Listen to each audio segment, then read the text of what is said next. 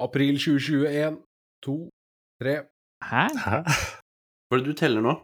Jeg teller antall cred som jeg sitter og sprayer, og hvor mange av de 800 brukerne jeg sprayer som har fem brukere med april 2020. Det er helt vilt. Seks, sju brukere.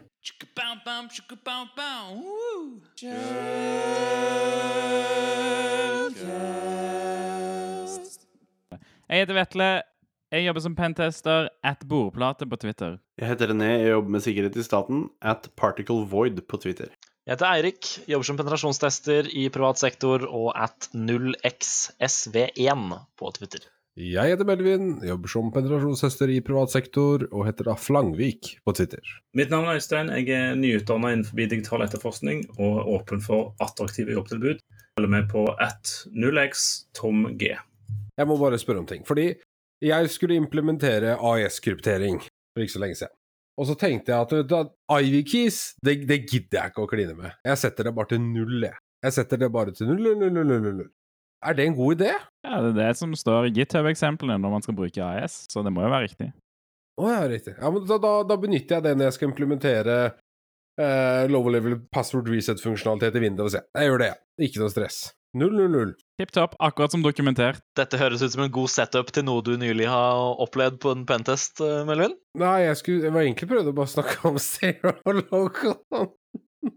Jeg tror nok det er enklere om vi typ bare begynner på toppen av lista, og så går nedover, Greit. enn at vi har noen sånne dårlige setups. Syns det var dritbra. Jeg ser notatet ditt der nå, da, men, eh, men ja. Ok. Var det ingen som kobla det? Jo, jeg kobla det, jeg kobla det. Ja. Takk. Takk. Har du satt deg inn i zero-loggen? eh, er det noen som har satt seg inn i zero-loggen ordentlig? Jeg og Eirik har iallfall lest whitepaperet, så jeg tror vi Kanskje dere kan fortelle litt om hva, hva hvordan det funker? Jeg har ikke fått med at dette var en greie, selv om jeg ser jeg burde ha gjort det.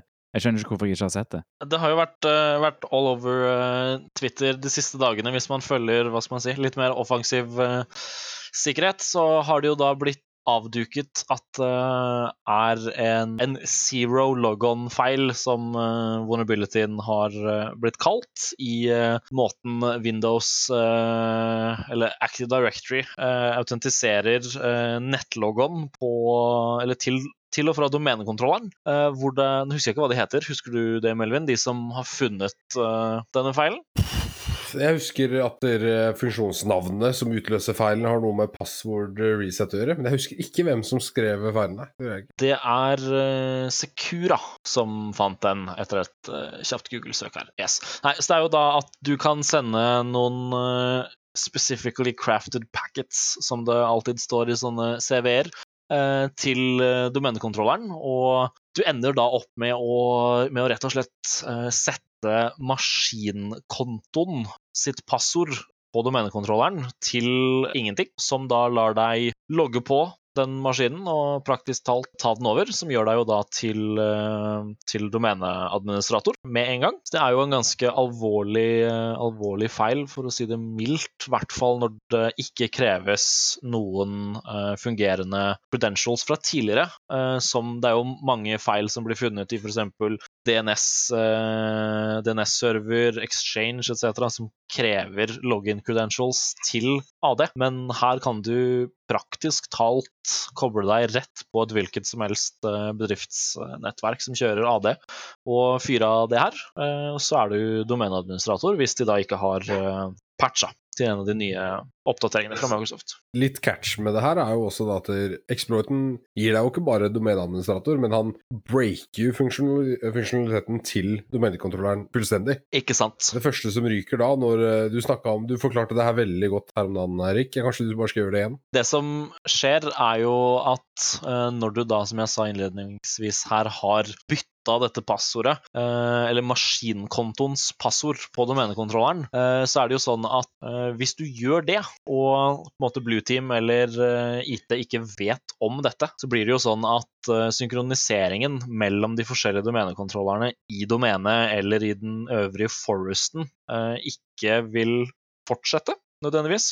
Og det er da sånn at en domenekontroller snakker med en annen domenekontroller på forskjellige sites, som det kalles. Dette kan jo da være forskjellige kontorlokasjoner rundt omkring i, i verden, eller Norge, eller hvor nå enn selskapet befinner seg. Og da når det gjøres forandringer, sånn som oppdatere shares eller passordbytter etc., så vil disse replicate seg fra domenekontrollere i, altså i satte intervaller.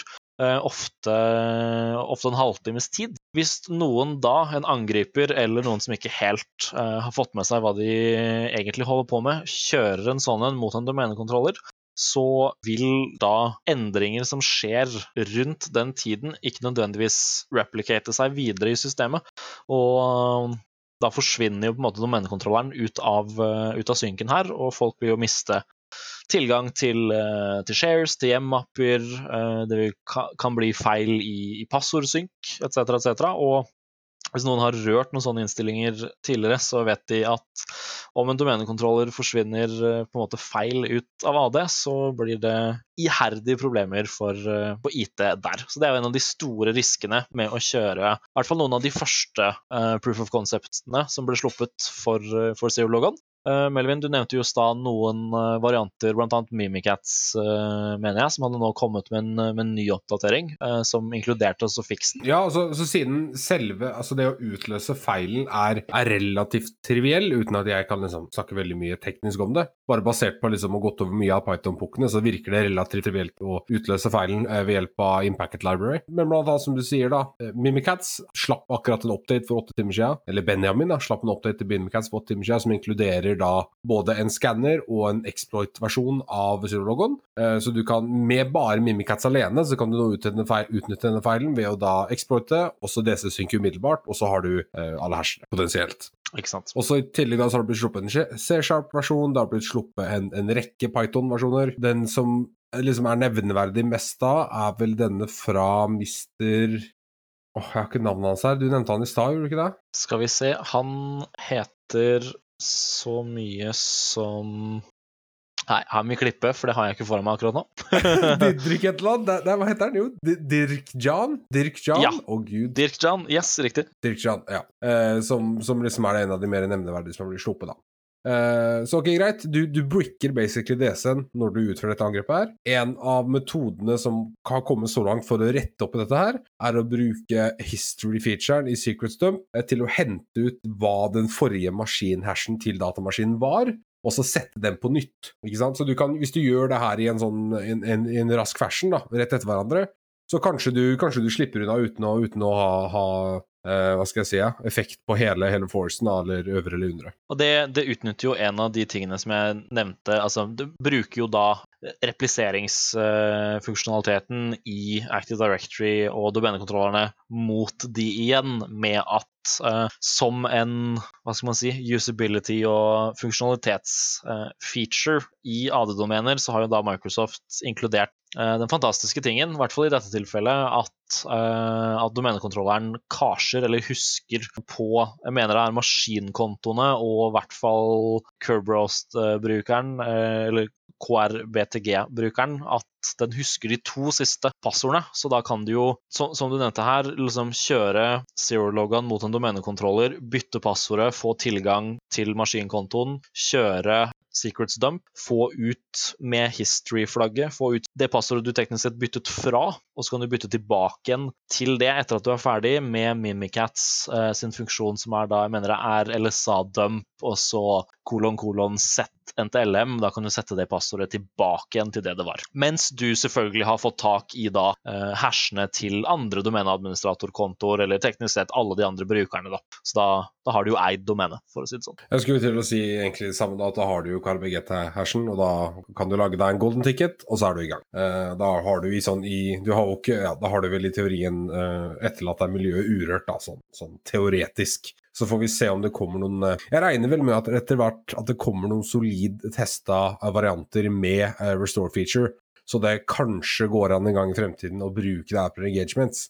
Men per nå så er det jo galskap. Altså eksperimentativt. At best. Jeg ville, ville sterkt fraråda noen som gjør uh, interne penetrasjonstester og, og red teaming til å fyre av denne, eller disse pukkene for øyeblikket i hvert fall, til, uh, til noen andre kanskje har gått i fella, og det har kommet ut noen bloggposter og varianter som har blitt integrert bedre i, i rammeverk. Jeg kan jo ikke tenke meg at det tar særlig lang tid før uh, Metasploit f.eks. kommer med en modul til det her. Det var vel sånn som Metasploit også, som jeg venta på. Nå snakker dere veldig om, om den røde siden av, eh, av den eh, exploiten her. Eh, men har det, har det kommet noen retningslinjer i forhold til blågutta, og, og hva som kan gjøres for å forhindre at noen skulle kunne prøve å, å misbruke dette her? Det er vel rett og slett å patche domenekontrollerne, så vidt jeg har fått med meg. For det, det, den ble vel sluppet hvis jeg husker hendelsesforløpet riktig, så var det vel sånn at Secura, som er da selskapet som har funnet denne sårbarheten, eh, disclosa den til Microsoft for en måned eller to tilbake igjen, og at de nå venta på, på den nyeste Patch Tuesday eh, før de skulle begynne å slippe, slippe, dette. da.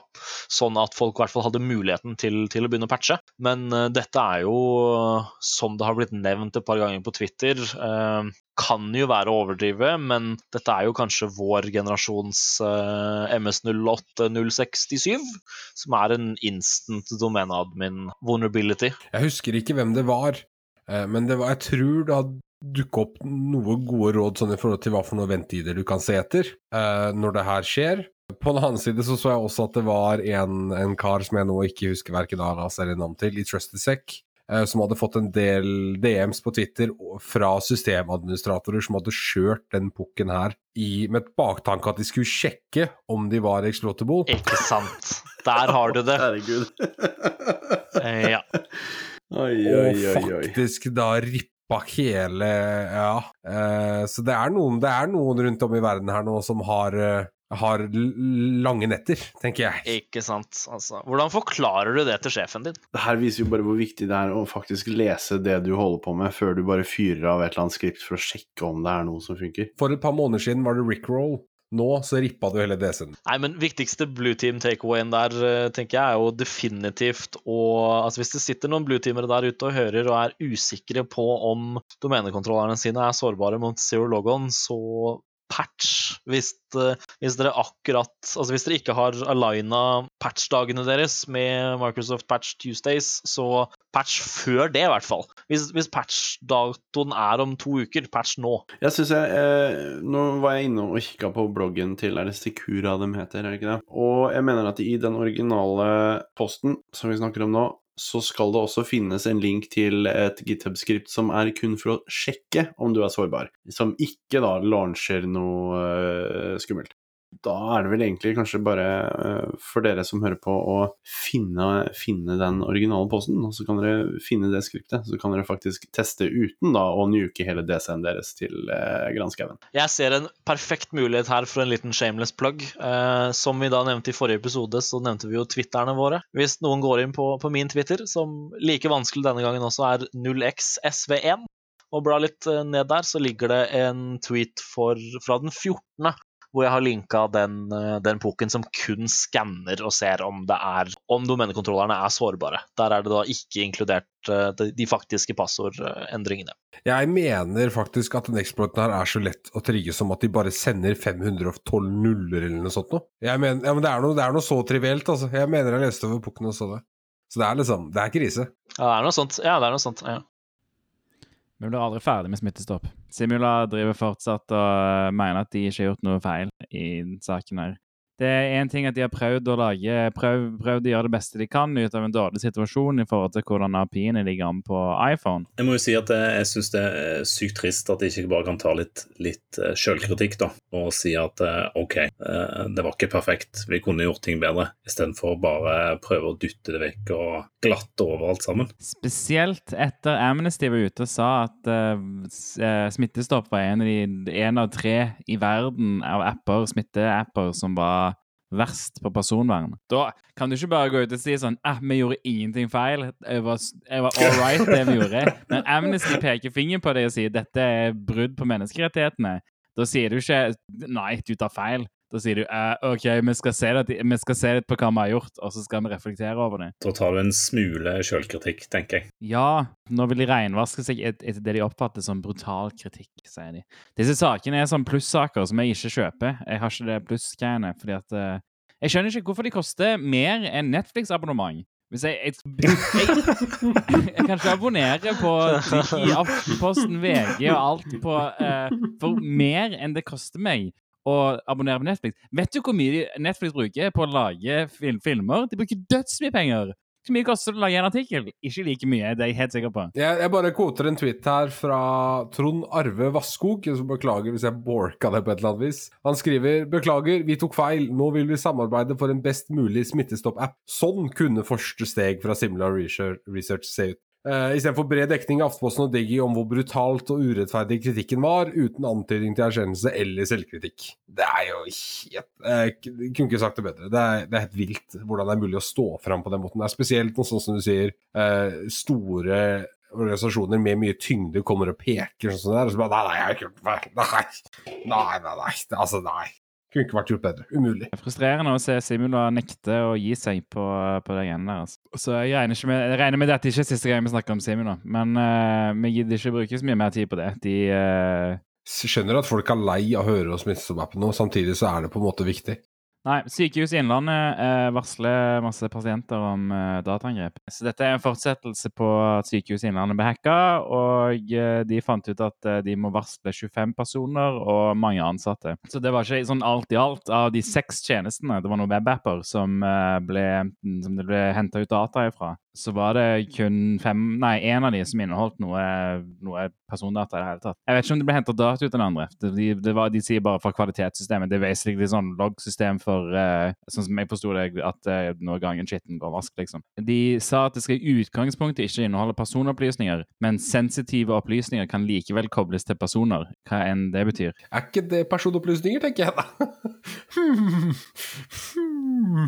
Ja, det, det er vel litt sånn avhengig av eh, hva, slags, eh, hva slags data det her er. For, altså, hvis det er snakk om pasientinformasjon, men som da ikke inneholder direkte eh, referanser til et individ, så ville jeg jo kunne si det at det skulle kunne matche ganske greit med det de sier her. At det er ikke noe som peker spesifikt til en person, men tatt i betraktning hvis du har flere, et sykdomsforløp f.eks., eller eh, tidligere historikk, som da ikke er nevnt mot en, et individ, så vil du fortsatt kunne følge eh, historikken og prøve å peke deg fram til hvem det skulle kunne handle om. da. Ja, ja, nei, det gir mening, det. Absolutt. Eh, jo, det, det Sykehuset Innlandet sa òg om selve etterforskningen og hvorfor det ikke gir så mye mer informasjon, synes jeg var en veldig fin måte å si det på. De sa denne typen dataangrep innebærer ofte en omfattende etterforskning både, teknisk og, eh, både på teknisk og taktisk nivå, og det gjenstår fortsatt etterforskningsarbeid. Etterforskningen utføres lokalt i samarbeid med, lokal, eh, ja, med digital politiarbeid, Lillehammer, Kripos og Europol. Så det var liksom, jeg syns det var så fin måte å skrive det på på bunnen der, bare sånn OK, vi har sagt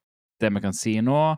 Og bare resten av dette her er, er Eller vi kan ikke si så mye mer nå pga. etterforskningen. Ja, altså om vi, om vi tar i betraktning da eh, sist vi snakka sammen, så hadde jo Stortinget blitt eh, utsatt for eh, eh, litt nyhetsoppslag osv. Så, videre. så tenker jeg det at eh, hvis vi går tilbake og ser litt på hva eh, NSM snakket om eh, i, i den sammenheng, så tenker jeg det at eh, vi får jo litt mer informasjon eh, ved å gå litt eh, historisk tilbake og se hvem det er som faktisk nå driver og etterforsker dette her, i tillegg til da eh, nevnt eh, Kripos og Europol og sånn. Og de prøver jo nå eh, definitivt å finne hvem det er som har stått for eh, disse angrepene som har pågått i en periode. Eh, og nå tror jeg vel at vi også har sett det at dette angrepet her har, har uh, spredd seg litt rundt omkring i Europa, annet. Og det er vel derfor Europol da er blitt uh, satt inn i satt inn i den etterforskningen der. Har det ikke vært flere nyhetsartikler og, og tweets i det siste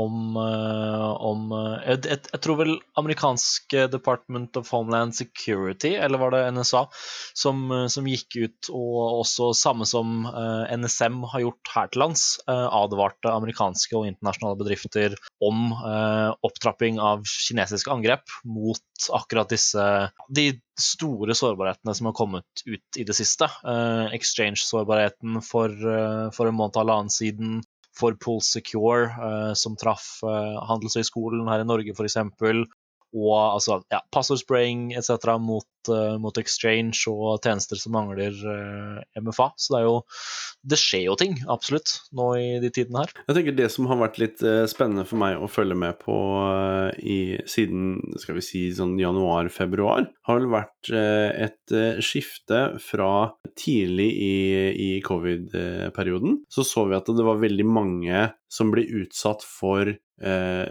espionasje. Hvor det var mye samling av informasjon. Det var mye falske covid-nettsider og sånt noe som var med på å samle e-postadresser, i det hele tatt eh, privat, eh, personlig informasjon, informasjon om selskaper og sånt noe. Så det har vært veldig spennende på, på et nivå å, å se på hva det er disse dataene potensielt kan ha blitt brukt til. For det er ikke umulig at det finnes en sammenheng her mellom de angrepene som vi ser nå, ved bruk av forskjellige e-postadresser etc., som kan peke til eh, informasjon som da kan ha blitt samla tidligere i den perioden. Så det blir ganske spennende nå da i løpet av eh, den siste delen av dette året her å se hvor, eh, hvor disse angrepene her faktisk leder hen. Hva, men det var, var det noen andre av dere som så denne VGTV-kortkopieringsgreiene? Ja. Yes. Ja. Jeg fikk ikke jeg vet, jeg, jeg, det, var noen som, det var noen av dere som nevnte på chat hva i alle dager eh, hva Om det var, var det en exploit av disse kortene som kom ut fra noen research-greier i Sveits? Kan det stemme? Stemmer. Det som må sies, da, at eh, dette er jo ikke noe nytt, egentlig. Jo, men hva er det for noe? Nei, altså De, de, de skanner jo RFID-en på kortet, hvis du kommer nærme nok, og så kan du, kan du ta og så tappe og, og trekke folk fra kortet sitt, basically, og inn på sin egen konto. da. Men det som er nytt med dette, da, er jo at de, de bypasser alt dette med PIN. Eh, tidligere så kunne du ta oppad til Altså, du, du vet jo at du kan tappe med kortet ditt for en sum på under 400 kroner uten å bruke PIN-koden. Men de klarer å bypasse dette, så nå kan de tømme hele kontoen din. Så det er jo det som er nytt. Og akkurat det med forbipasseringa eh, krevde jo et aktivt element. Så det er jo ikke, er jo ikke sånn at du har én telefon som, eller et, en enhet da, som leser av et kort, og så, og så går denne mannen eller kvinnen med enheten og piper den et annet sted. Nå må du ha to enheter. En enhet som ligger inntil kortet som du eh, angriper, og en annen enhet som ligger over betalingsløsningen som du ønsker å betale til. Eh, og det er fordi, sånn som jeg forstod det i hvert fall, er det egentlig et, semiavansert semi-avansert man in middle attack, der hvor du modifiserer noen pakker på flowen mellom, eh, mellom dataen fra kortet til kortleseren. Eh, jeg leste ikke teknisk, men jeg kan se for meg at det sikkert har noe med summen å gjøre, så at kanskje eh, kortleseren spør om verifisering for en høyere sum, og så, kanskje henter du da, altså noe sånt, noe i den duren da. Utenom å ha lest eh, Jeg har jo fått med meg denne nyheten, men eh, det, det dere nevner med at man må ha to devices, minner jo først og fremst veldig mye om eh, hvordan eh, angrep på, på, på biler med opplåsning av, av nøkler har, har utviklet seg. Men, men er det er det mulighet her å liksom introdusere en, en tredje device? Kan noen ha liksom en sånn eh, Altså en av de små, lette eh, mobile betalingsterminalene satt opp til sitt eget shady offshore PayPal-godkjente selskap, og da ha en tredje device som prøver å trekke liksom 10 000, 15 000, 50 000, 200 000 Mm. fra, fra en konto. Det er mulig her. Det, er ak det er akkurat det de gjør. Ikke sant? Ja, Da er det jo skummelt. fordi hvis noen skal prøve å liksom få en gratis eh, handlekurv på Rema, så, så går jo det fint for de aller fleste nordmenn. Men hvis de faktisk da kan liksom tappe 15 lapper fra, fra kontoen, så er det jo en dårlig dag. Det som jeg tenker mest på i forhold til dette, dette angrepet for øyeblikket, er vel egentlig at tapping nå har blitt en så stor ting på, nettopp pga. covid. Og jeg tror det at det, eh, vi kommer til å se flere av denne typen angrep jo lengre inn i, i den pandemien som vi er i nå, eh, vi kommer. For dette her er jo et prakteksemplar på eh, noen som har valgt å tenke litt nytt. Nå ser vi at det er mange som prøver å tappe, bruk, ikke bruke kort på vanlig måte som tidligere osv. Eh, og så prøver de å finne måter å, å utnytte den, eh, den eh, sårbarheten på. Jeg tenker litt sånn, greit, angrepet er kult, eh, men, men sannsynligheten for at det her skjer på, en, på, norsk, på norsk jord, høres jo veldig, veldig patriotisk ut da, men, men eh, på, typ, på, på din lokale Rema eller Kiwi er jo ekstremt minimal, kall meg naiv, men risk reward her for en angriper. Man kan vel i teorien sikkert kanskje dra til seg mer penger på, på å naske sykler på natta, og fylle de opp i biler og sende de til Polen, liksom. Okay, så, eh, fordi at, nei, Jeg har gjort research her. Eh, igjen, faktisk. uh, på akkurat dette her med tall. Nets EU har gjort en rapport på bruk av kort og svindel og sånne ting. Og i Danmark så, uh, så rapporterer DNB at eh, 65% av kortsvindel er kontaktløs kortsvindel. Størsteparten av kortsvindel skjer med kontaktløs betaling. Eh, som er morsomt, fordi at eh, 56% av betalinger som blir gjort, eh, er kontaktløse. Så den har mer, eh, kontaktløs har mer user share i eh, svindel enn eh, i faktisk bruk. Svindlere, er ikke, svindlere liker å bruke den kontaktløse, åpenbart. Eh, og tidligere så har de fått mye lavere verdi når de har svindla kontaktløst. Så nå, hvis, eh, hvis det blir en offentlig exploit, hvis dette, hvis dette blir en e- exploit som blir tilgjengelig for mange å gjøre, da tror jeg, for, jeg, jeg tror de kommer til å gå over på det med en gang. DNB eh, Norge sa i VGTV-videoen at de har ikke registrert en eneste reklamasjon knytta til dette problemet, som jeg syns er en veldig rar formulering. Alt de sier, er at ingen har rapportert om det problemet her ennå, som ikke er så rart, fordi det er ikke noe public exploit for det ennå. Men med en gang det kommer ut, så tipper jeg altså, hvis, skal, hvis, jeg, hvis jeg ser bare fra statistikken som DNB Danmark i 2018 eh, ga ut, så ville jeg trodd at, at de ville gå over på det med en gang, så lenge, så lenge det er enkelt, eh, enkel exploit. Og ja, man in the middle, enkelt å gjøre på den måten her òg. Det tror jeg ikke de har noe imot. Jeg kan jo se for meg at spesielt det type angrepet her, kanskje, hvor det krever eh, flere involverte enn nødvendigvis det å ha si en eh, ruta mobiltelefon eh, med NFC eller det å ha en Proxmark eh, i lomma. Så her vil du potensielt trenge 1, 2, 3 involverte. Og jeg kan se for meg at for godt etablerte liksom, kriminelle cardskimming-grupper, og så vil de nok potensielt liksom targete kanskje litt mer luksuriøse butikker og steder. Kanskje bilforhandlere, dyre motebutikker, steder som typ Sten og Strøm her i Norge. Altså steder du kan finne folk med litt mer penger som du kan stikke av med mer på en gang, da. At, eh, fortsatt, hvis du skal gjøre kortsvindel nå, via kontaktløs betaling, så må du fortsatt ha et betalingspunkt. Så du må fortsatt på en eller annen måte finne en måte å ta betalt på. Via en bankterminal eller et eller annet. Ikke sant? Men der trenger du jo flere folk, da. Ikke sant? Og da, det krever jo mye større investering. Men, men i den kontaktløse svindelen som vi snakker om pre, pre det greiene her, så er det jo bare egentlig bare fordi du capture a card, og så bare kjøpe deg McFlurry, liksom. Det er jo ikke Men egentlig spørsmålet mitt var at der, han fra DNB sa at de ikke hadde mottatt noen reklamasjonssaker for eh, svindel via kontaktløs betaling. Eh, generelt, eller denne metoden? Denne, denne metoden de, sa, de har ikke registrert en eneste reklamasjon knytta til dette problemet, sa de veldig spesifikt. Og så sa de at det var mer bekymra for vanlig phishing. Neither here nor there. Men, men OK. Fordi, ok, la oss, la oss ta utgangspunkt i at det betyr at de har ikke eh, fått reklamasjon på, på kontaktløs betalingssvindel i Norge, da. Fordi de, de klarer jo ikke å skille dette problemet fra vanlig kontaktløs svindel. Fordi, men, men poenget mitt er liksom enten så skjer dette så lite i Norge at det ikke er et problem, eller så er, har nordmenn det så vanvittig bra at vi ikke merker når noen rapper 200. Jeg vil nå si det at det, det, det skjer jo Uh, hele tiden i Norge. Uh, nå kanskje litt mindre i disse dager enn det det gjør ellers. Men jeg tenker, jeg tenker vel litt sånn også det at nå har det kommet en såkalt ny måte å utføre et eh, slikt angrep på. Og selv om ikke Pokémon eh, kanskje er lansert åpent til hvem som helst for granskning, så betyr det jo ikke det at eh, dette, denne nyheten da, ikke vil sette de små grå i, i kok hos de som da faktisk ønsker å utnytte dette her. Vi må jo tenke eh, litt forbi hva det er som skjer innafor våre egne grenser. Så vi husker på det at vi har faktisk veldig mange vinningskriminelle som har en lang tradisjon av å planlegge hvordan de skal utføre en rekke angrep, og gjerne da skimming og den type ting, som da gjerne vil ha litt mer i arsenalet sitt, som da kanskje ikke har noe imot å bruke en fem-seks mann eh, damer også, eh, for, eh, for å kunne eh, iverksette slike angrep. Så jeg tror det at det, bare det at denne nyheten nå har kommet ut, vil bety det at vi på sikt kommer til å, å, å se mer av dette her i, i Norge, så fort grensene er litt mer åpne enn hva, det, hva de er nå.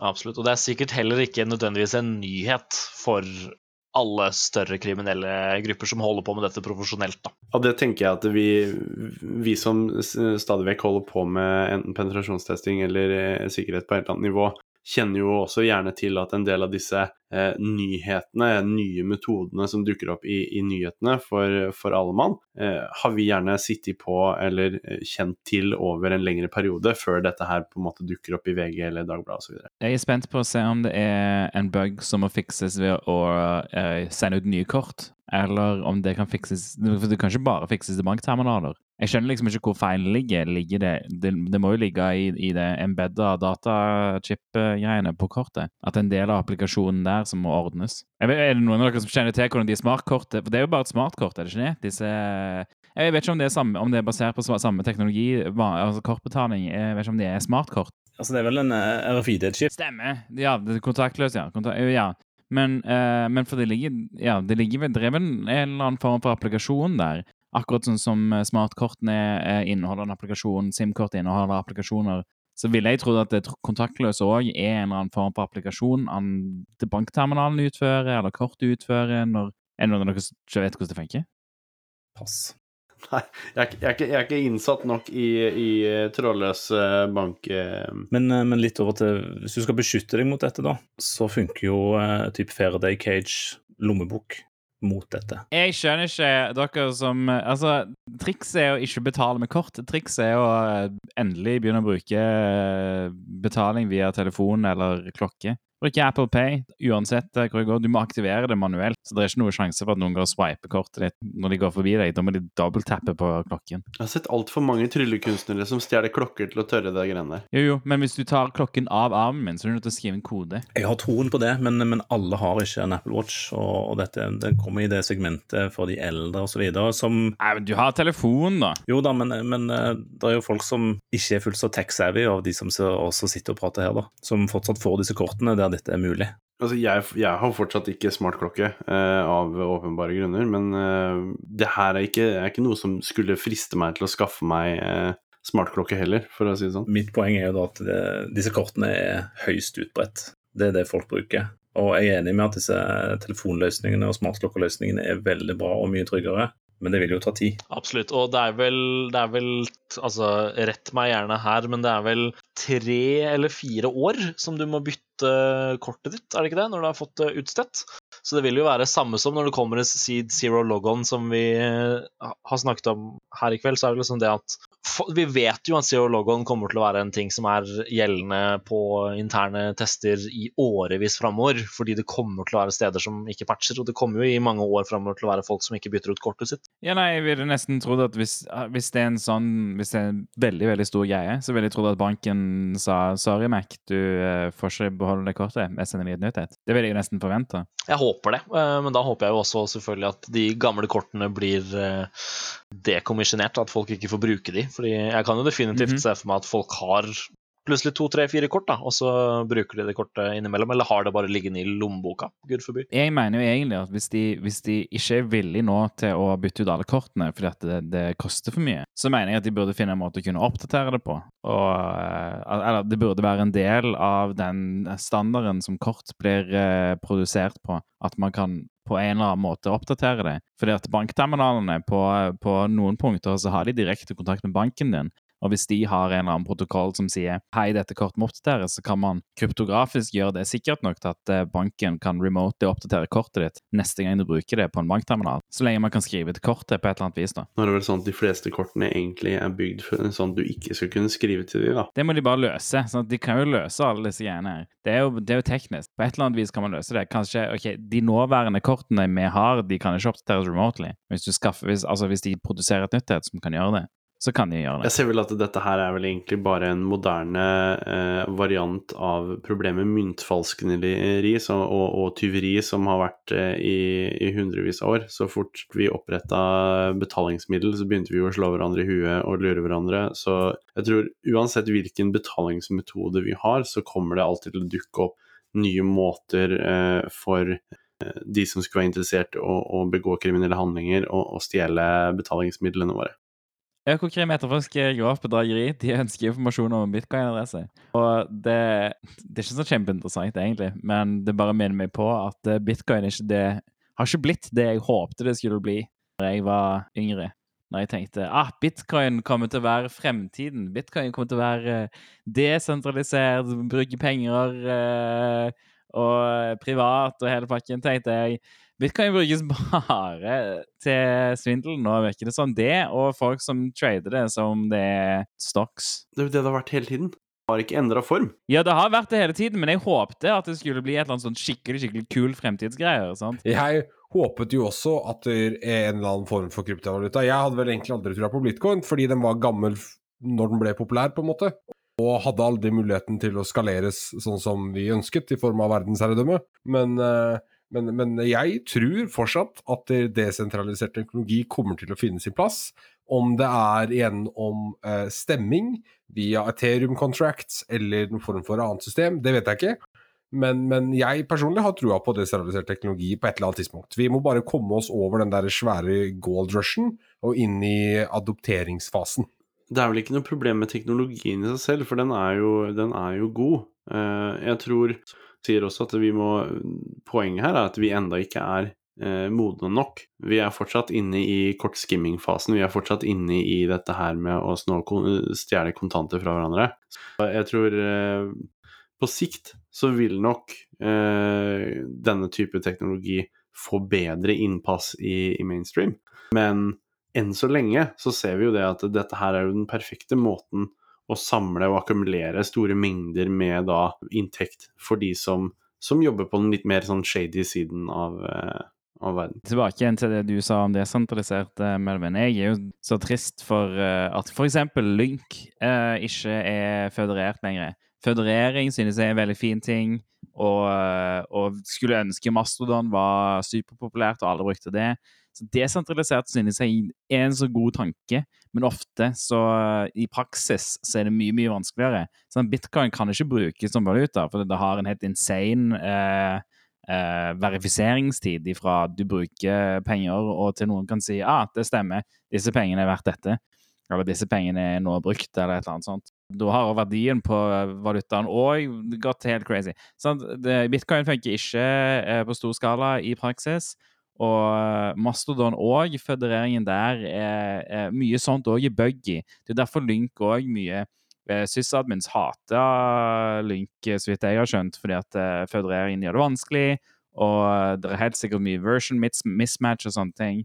Desentralisert er dødsvanskelig i forhold til å bare gjøre alt i en cloud, og alt bare snakke sammen på sin egen eh, proprietære kanal over intercloud communication. I don't know. Jeg tenker sånn, Bitcoin er kult. Eh, Jeg, jeg syns det fortsatt er veldig praktisk at man har en veldig internasjonal måte å utføre betalinger på. Altså type Jeg slipper å rote med PayPal, hvor man kan bli svindlet. Jeg slipper å rote med bankoverføringer som tar dager. Hvis jeg har lyst til å kjøpe whatever fra han fyren i USA eller whatever, så, så overfører jeg bitcoin, og så er det der på, på minutter, typisk. da, Ut ifra sum og ut ifra fi. ikke sant? Hovedproblemet med bitcoin, og grunnen til at det aldri kommer til å bli liksom, tror jeg da, valutaen som alle bruker, er hele denne, denne mining-greiene, ikke sant? Og ikke minst prisen den er oppblåst per nå. Men at du, du kan ikke ha en desentralisert valuta som er altså klart Jeg skjønner at det ligger, ligger i ordet desentralisert, men sånn, sånn rent sånn strøm- og miljømessig, da, hvis jeg tør å si ordet, så, så er det bare ikke sustainable, liksom. Det, det er verre enn, enn når du har kontanter. Derfor må vi, derfor må vi titte på, på type tredjegenerasjons løsninger, sånn som Cardano og Iota, da, som jeg liksom sto bak en eller annen gang i tiden når jeg satte meg inn her, som er en stund siden nå. Ja, Du må jo ha en type proof of stake-løsning, der du låser pengene for å opprettholde nettverket. Uh, Istedenfor å bruke all den strømmen, for det er bare waste, egentlig. Du har vel tre generasjoner av det. Type Første generasjon var at vi miner, det har en fee. Eh, Det, det, det, er den fien det koster å sende ting som minerne får, og vi miner blocks, bla, bla, bla. Og så har du Ethereum som lapper kontrakter. Dritkult. Nå har vi i teorien et stemmesystem, om vi vil. Eller, eller eh, det kan integreres med IOT-enheter i forhold til okay, betaling av ting. Eh, og så har vi da denne tredje generasjonen som du snakker om, der hvor f.eks. hver enkelt transaksjon fra en, en bruker eh, eh, Hva heter det for noe? Beviser en annen transaksjon, sånn som du sier det, da. Og så tror jeg også en, en stor, Et stort problem med dette, med egentlig alle kryptovaluta så langt, er brukervennligheten. Altså Du, du kan ikke som en, en intetanende bare ta opp telefonen og så sette i gang og bruke dette her. Du må liksom gå så utrolig dypt inn i hvordan systemet fungerer, og skjønne alt for, for å bruke det. Jeg er helt sikker på at vi kommer til å få en haug med Eller ikke en haug, for så mange lyttere har vi ikke. Men vi kommer til å få et tite maks 40 lyttere som rager fordi vi bare scratcher surfersen av kryptovaluta og sikkert ikke kan eh, en dråpe i havet kontra ve veldig mange lyttere. da. Så beklager hvis vi bare butchera hele desentraliseringsteknologien nå. Beklager. Men, eh, men det som jeg legitimately syns er kult, da, for vi kommer, vi, vi kommer ikke til å slippe det temaet tydeligvis, er det å kunne overføre penger totalt anonymt, og jeg vet at Mr. Blueteam kommer til å klikke på det her, men sånn som Monero, da, som er liksom Ja, greit, shady ass coin. Alle som ikke har lyst til å bli tatt, bruker det, men det er veldig, veldig fint å kunne overføre penger og keep privacy in mind. Det må jeg bare si. Fra, fra mitt perspektiv. Jeg, jeg, jeg bruker noe krypto for å holde anonymiteten det til flere tjenester, og det syns jeg er helt gull. Jeg må si det. Nå, nå vet jeg det at Melvin sier at jeg burde at jeg kommer til å rage her og sånn. Jeg, jeg, jeg skal faktisk ikke gjøre det. Eh, jeg syns det at eh, til tross for hvor jeg jobber og sånt nå, det spiller ingen rolle. Vi har alle sammen uh, noen form for eh, behov og rett til å ha privatliv på et eller annet nivå. Eh, så får man bare tenke det at kanskje det privatlivet ikke utelukkende skal brukes for eh, kriminell aktivitet. Men, eh, men selve privat, den private biten av det er jeg helt, helt for. Men jeg, leste på Twitter en, lang, en jævlig lang tråd om uh, Kerbros. Eh, Steve Cyphus eh, på Twitter har skrevet, skrevet en ganske god tråd på, på Twitter om, om hvordan Kerbros funker på protokollnivå. Det var ganske interessant. Bare, jeg ville nevne det, for jeg vil legge det i shownotes, Sånn at eh, de som er interessert, kan, eh, kan gå og sjekke det. Det var, det var veldig veldig, interessant. Skrev masse masse om hvordan Curbrows funker, og eh, hvorfor han gjør litt sånne ting som han gjør. og ja, det er en gammel protokoll. Gamle protokoller er alltid gøy, for de gjør weird shit som bare som eh, ikke er måten vi ville gjort ting på nå. Eh, Det er jo også et veldig interessant tema for oss som jobber uh, igjen på, på den røde siden her. Eh, Curb roasting er jo ikke noe vi vil bli kvitt på, kan jeg se for meg, lang, lang, lang tid. eh, ja, fram i tid, fordi det er jo en av de klassiske low-hanging fruitsene når man gjør eh, interne penetrasjonstester. Eh, og det er jo da at man Sånn som Curbroast fungerer, og det ofte er satt opp i selskaper, så er det jo da satt Service Principle Names, eh, eller spins, eller SPNs, hvordan folk har lyst til å uttale det. Det er en episode i seg selv. Eh, Men det er jo da satt sånne SPNs på servicekontor, som alle brukere i Active Directory har rettigheter til å hente ut ticketsene til. Eh, og nå skal vi ikke gå dypt inn i hvordan Curbrost fungerer, men det er jo da en, eh, ja, en sånn tiketteringstjeneste i Active Directory som lar forskjellige servere og forskjellige brukere og servicekontor etc. eh, interacte med domenekontrolleren, som holder alle ressurser og objekter i domenet. Og så kan da f.eks. filservere eller webservere etc. eh, hente ut tickets fra andre brukere og gi deg på en måte ressursene du eh, du har krav på.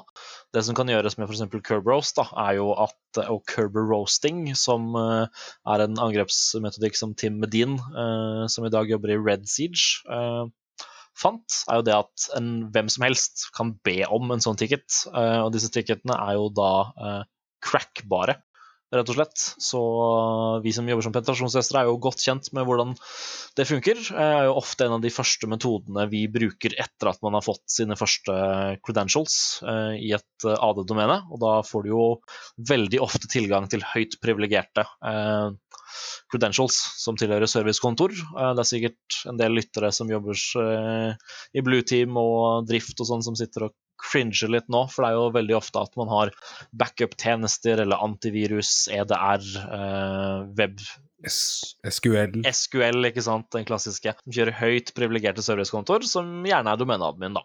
Som vi kan curbrose til. Og det var jo en tråd eh, for litt siden på Twitter om at man aldri bytter disse passordene. Og ja, dårlige ting skjer, rett og slett. Det er veldig enkelt å misbruke curb eh, på den måten for å få store privilegier i, eh, i AD. Og eh, Blue Team Pitch, når man har kontor med spenn satt, så kan man bruke Managed Service Accounts. Ikke Da kan vi ikke knekke passordet. Ikke sant? Bruk det. Følg oss på Twitter med at Shellcast. 5H3LLcast. Så Shellcast. Og, og be dem sende inn e-post til Ja, si det òg. Så kan vi Ja. få, hvis du har suggestions eller temaer eller uh, topics eller hva enn. Ja. Nudes, whatever. Bare send det til. Har du bidrag, spørsmål, tanker, et eller annet som du tenker på, som du vil uh, si til oss, så send en mail til podcast at shell.so. Det er 5h3ll.so, fordi at eh, vi er nerds, så vi må leadspeake eh, domenene våre. Jeg, jeg leste en interessant sak, og det her er en i, litt sånn sci-fi-tullesak. Eh, men jeg syns den var veldig fascinerende. For det er ikke veldig lang, en lang tid tilbake siden Boston Dynamics kom ut og demonstrerte disse robothundene sine. Og at de nå var klare for produksjon, og en rekke youtubere og sånn har fått lov til å leke litt med dem. Nå, for bare noen dager siden, så kom det da ut at eh, amerikanske flybaser blir nå bevokta av slike robothunder levert av en annen gruppe kalt Ghost Robotics. Eh, er det noen av dere som har fått med den saken der? Jeg har uh, skimma den på, på nett, men jeg så ikke at det var eh, Altså, jeg så jo denne åpenbare, gjenkjennbare hunden fra Boston Dynamics. Jeg regner bare med at noen hadde Det blir jo feil å si retrofitta, men futurefitta den eh, roboten for å funke for militær eh, practice. Men er det da altså et selskap som kjøper disse hundene, holdt jeg på å si, fra Boston Dynamics, og så uh, mildspekker de opp? Er det det som skjer? Det ser ut som at dette her er et eget selskap. Uh, hvorvidt de er relatert til Boston Dynamics, det vet jeg ikke, men de er definitivt uh, mildspekka. Og det er en rekke referanser da til Metalhead-episoden av Black Mirror som uh, dukker opp i denne artikkelen her. Ikke sant? Nå tenkte jo Det første jeg tenkte, var jo det at på et eller annet tidspunkt nå, så vil vi kunne USB rubber ducky oss inn i en sånn robot, og så har vi full surveillance over en amerikansk eh, flybase. Kina har kopiert de robothundene. Så dere den tweeten? Kina har legitimately bare rippa dritten og bruker dem på kinesiske kjøpesentre som entertainment. No joke. Det er dødsbra, for det betyr det at jeg snart kan gå på Wish og så kjøpe meg en sånn hund. Nå skulle jeg wifi Apple-hacke disse hundene, så da må vi bare gi oss. Ja, nei, altså jeg, eh, Det er ikke noen nye temaer etter etter, eh, etter det har gått en time i Sandcaster. Da, da er det ikke noen nye temaer lenger. Da er vi ferdig med nye temaer. Så eh, da er det aftershow. Da er, det, da er vi ferdig med siste tema, og så er det aftershow. Så kan vi snakke, så kan dere snakke om ting som ikke har noe med temaene å gjøre. Temaene som vi ikke snakker om i dag, de, de, de, eh, eh, de forblir til neste uke. Så hvis de er relevant for neste uke så kan vi ta de neste uke. i stedet. Det er som podkast-diktator, altså. Ja, nei, det, jeg har lov. Jeg bruker mange timer på, på å klippe, så jeg kan bestemme. Uh, jeg må bare si at jeg fikk Å, fy faen, det her er, det er latterlig.